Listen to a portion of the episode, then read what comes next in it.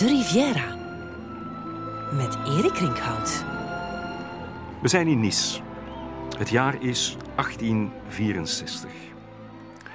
Een grote menigte heeft zich verzameld voor de officiële inwijding van het station van Nice. Het is een prachtig gebouw. Indrukwekkende 19e-eeuwse architectuur met een grote glazen koepel, een klok van wel twee meter doorsnede, een hal die versierd is met de wapenschilden van alle Europese hoofdsteden. Het publiek is dol enthousiast. Niet alleen om het mooie station, maar ook omdat Nice nu eindelijk ook per stoomtrein bereikbaar is. Het is een grote stap voorwaarts als het op reiscomfort aankomt.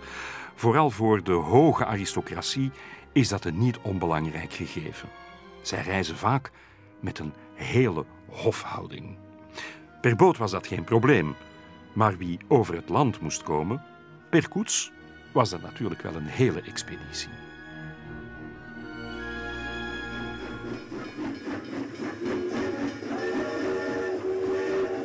Het station is nog maar nauwelijks ingewijd en daar arriveert de privétrein van tsaar Alexander II en zijn echtgenote.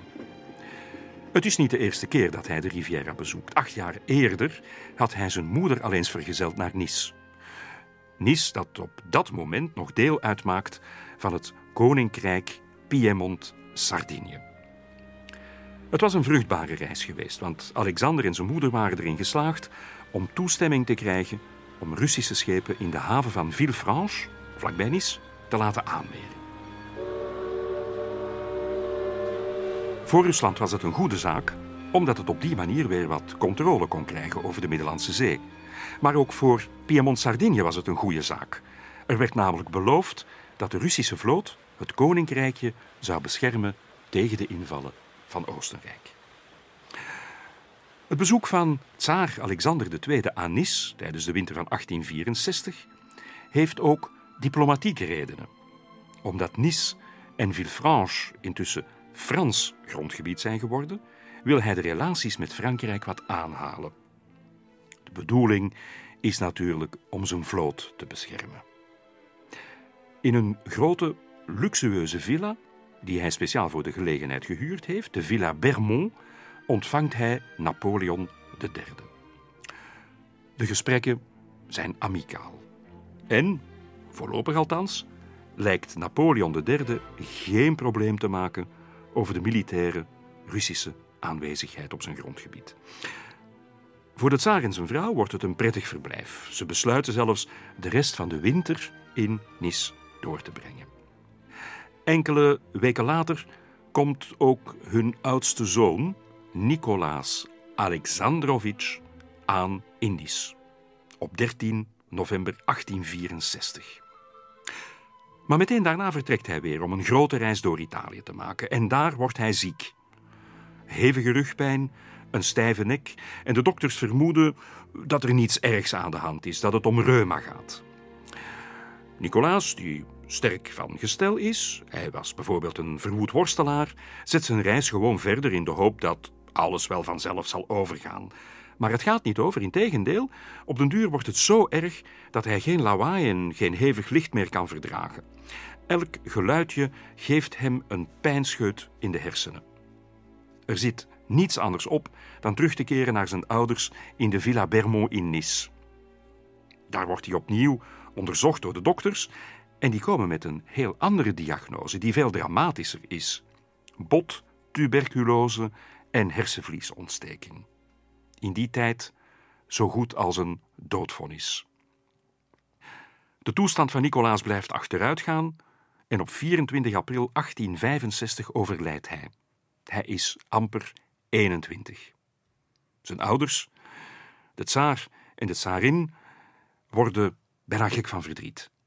En om dat grote verdriet een plaats te geven, besluiten ze de Villa Bermont te kopen. Ze wordt afgebroken en op de plek waar hun zoon overleden is, precies op de locatie waar zijn doodsbed gestaan had, laten ze een kapel bouwen. Een architect uit Sint-Petersburg tekende plannen en vier jaar later, op 25 maart 1868, wordt ze ingewijd in aanwezigheid van de jongere broer van Nicolaas, de toekomstige tsaar Alexander III. Dat is eigenlijk het begin van een lange en intense relatie tussen de Russen en de Franse Riviera. Een relatie die tot op de dag van vandaag voortduurt. Want in het voetspoor van de tsaar volgt bijna de hele Russische adel. Prinsen, hertogen, groothertogen. Bijna elke druppel Russisch blauw bloed verblijft de volgende decennia wel ergens aan de Riviera.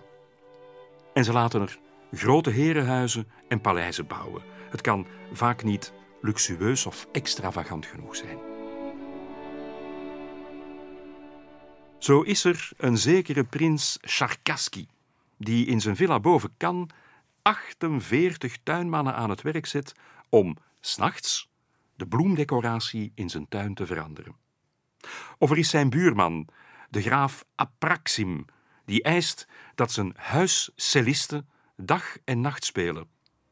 Maar wel altijd met een extra bediende achter zijn stoel, omdat de krachtige muziek hem ook wel eens tot zelfmoord zou kunnen aanzetten.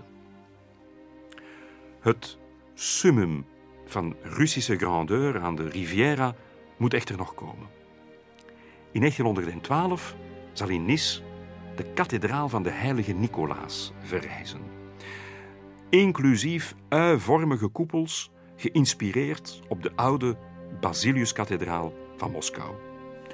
Volgepakt met glinsterende schatten is dit de grootste Oosters-orthodoxe kathedraal in West-Europa. De Russische diaspora heeft dit symbool van pracht en praal van voor de Sovjet-Unie decennia lang gekoesterd. Want voor de Russische revolutie was het een stukje moederland voor de Russische aristocraten die naar de Côte d'Azur trokken. Na de revolutie werd het een verzamelpunt voor bannelingen die naar Nice vluchtten tijdens het Sovjet-tijdperk. In 2010 komt er een tegenzet. Rusland eist de kathedraal weer op. En een Franse rechtbank beslist in het voordeel van Rusland, zeg maar Poetin, en aanvaardt dat de grond van de kathedraal geschonken was door de keizerlijke familie. Keizerlijke familie die later vervangen werd door de Russische Federatie. Voor Poetin was de overname van de kathedraal natuurlijk een onderdeel van zijn beleid om symbolen van het patriotisme in eigen land weer aan te wakkeren. In Cannes staat de villa Kazbek, ooit eigendom van de groothertog Michail Michailovich, een kleinzoon van tsaar Nicolaas I. De naam Kazbek verwijst naar een berg in de Caucasus, waar de groothertog een garnizoen had. 25 grote slaapkamers telt de villa. Een grote balzaal, twee grote salons met biljart, twee rookkamers, acht dienstvertrekken en acht badkamers. En toch moet het voor de groothertog eerder als een soort gouden kooi aanvoelen wanneer hij er in 1889 zijn intrek neemt. Zijn verblijf aan de Riviera is immers niet zijn eigen keuze. Het zijn zijn ouders die hem verplicht hebben om er wat te komen afkoelen van een hevige verliefdheid. Hij had zo graag willen trouwen met een Russische gravin, de dochter van de minister van Binnenlandse Zaken. Maar dat werd hem door zijn ouders en ook door tsaar Alexander III, die daarvoor zijn fiat moest geven, niet toegestaan. Een pijnlijke affaire. Want voor hij de gravin leerde kennen, was hij al driemaal afgewezen door adellijke dames die wel de goedkeuring van het hof hadden weggedragen. En dus zit hij daar in zijn villa Kasbek wat te kniesoren. In feite voelt hij zich ook afgewezen door zijn ouders, die hem als een soort enfant terrible beschouwen, een zorgenkind. Zijn moeder klaagt over het gebrek aan respect en aandacht dat ze van haar zoon krijgt, en ze noemt hem zelfs ronduit dom.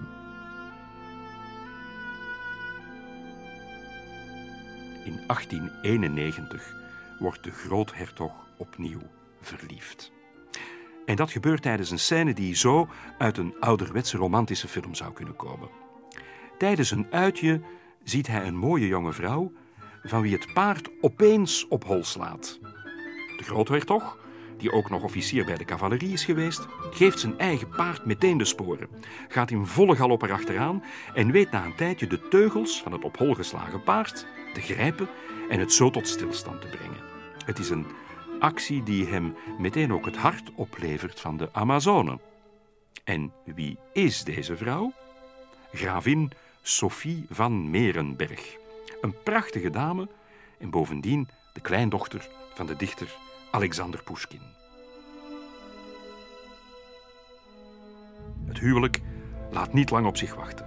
Op 26 februari 1891 geven ze elkaar in de orthodoxe kerk van Sanremo het ja-woord. Groothertog Michael had zelfs niet de moeite gedaan om toestemming te vragen aan zijn ouders of aan de tsaar. Hij wist op voorhand dat het toch een verloren zaak was.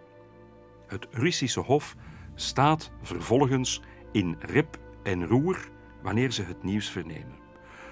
Een groot schandaal. En wel zodanig dat Michael verboden wordt om ooit nog naar Rusland terug te keren. Zijn moeder is zo aangedaan en gekwetst door het nieuws dat ze ziek wordt. Onderweg naar de Krim, om daar weer op pad op krachten te komen, krijgt ze een hartaanval en sterft. Haar zoon, die de schuld krijgt van haar dood, mag de begrafenis zelfs niet bijwonen. Maar zijn verbanning uit Rusland levert hem wel het voordeel op dat hij zich voortaan enkel nog op zijn eigen gezinsleven kan concentreren, dat zich afwisselend in Londen en in Cannes zal afspelen. In Cannes gedraagt hij zich als een ware Romanov. Hij werpt zich op als een soort beschermheer, werkt mee aan nieuwe projecten voor casino's, hotels, een trambaan en legt de eerste steen voor de nieuwe haven.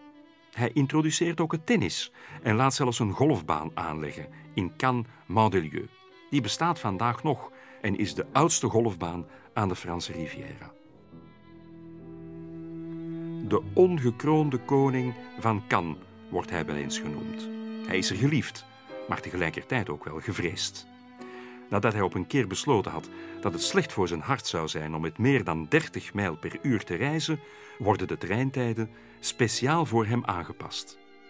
Een anekdote die me doet vermoeden dat zijn moeder het misschien toch een beetje aan het rechte eind had, namelijk dat zij vond dat hij dom was.